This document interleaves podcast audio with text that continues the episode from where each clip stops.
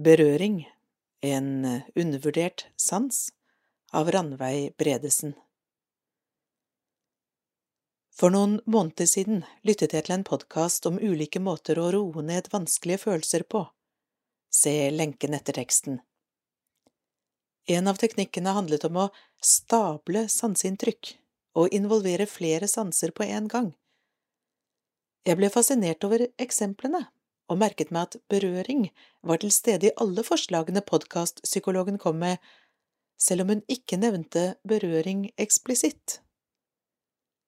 Å sette seg på en benk i parken med en god matpakke og se på blomstene rundt seg skulle stable syn, smak og lukt. Men her er det mange sanseopplevelser på en gang. Maten i munnen, tunga som registrerer konsistensen, kroppen mot sitteunderlaget. Og hva med vinden, som kanskje stryker deg forsiktig over ansiktet?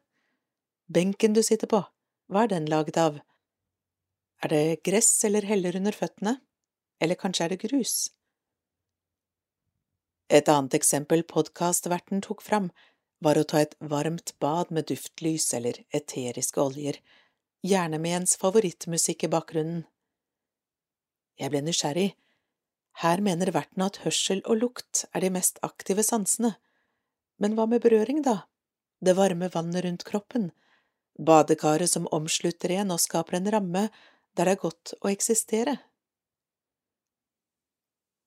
Det er så rart å tenke på hvor mye omgivelsene mine som er taktilt. Jeg bruker ikke bare hendene til å berøre, men hele kroppen. Føttene, inni skoene, merker om jeg tror på gress eller asfalt. I alle fall når dempingen i sålen ikke er for kraftig, da kan inntrykket sløves. Jeg kjenner også med ansiktet, temperatur, luftdrag. Jeg kjenner med ryggen. Har jeg husket å ta på meg sekken før jeg går ut døra? Og noen ganger kjenner jeg med forlengelser av kroppen. Mikhail Basiljevitsj, forfatteren av boka Sansenes vidunderlige verden, skriver så fint om måten vi mennesker inkluderer deler av omgivelsene våre på, som en del av kroppen. Om vi kjører sakte i bil over en krapp fartsdump, kjenner vi det ikke bare som én bevegelse, vi merker hele prosessen i kroppen. Først ruller forhjulene over kanten, og så følger bakhjulene etter. Så er vi på flatt underlag igjen. Den hvite stokken blir en naturlig forlengelse av kroppen min. Da jeg var liten, lærte jeg at den er min forlengede pekefinger. Jeg har erfart at det stemmer. Med stokken kan jeg, om ikke underlaget er for ujevnt, kjenne kanter, hellinger, dumper, bakker og vegger, og siden den lager lyd, kan jeg, når været er godt, høre leskur, gjerder og andre ting.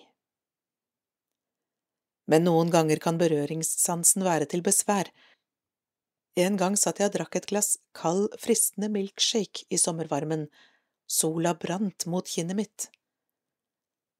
Jeg lener meg tilbake i stolen, og plutselig kjenner jeg en kribling på armen. Instinktivt tenker jeg veps. Jeg har forbi mot dem. Så, brått, rykker jeg til og slår glasset ned fra bordet. Glassbiter og milkshake spruter utover verandagulvet. Hun jeg sitter sammen med, ser uforstående på meg hva skjedde? spør hun.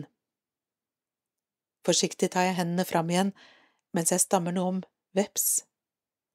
Nei, det er ingen veps her nå, sier venninnen min. Var det servietten du kjente? Jeg hadde lagt en på armlenet i tilfelle du ville trenge den. Og det må det ha vært. Det florlette papiret hadde kilt meg, nesten som en insektvinge.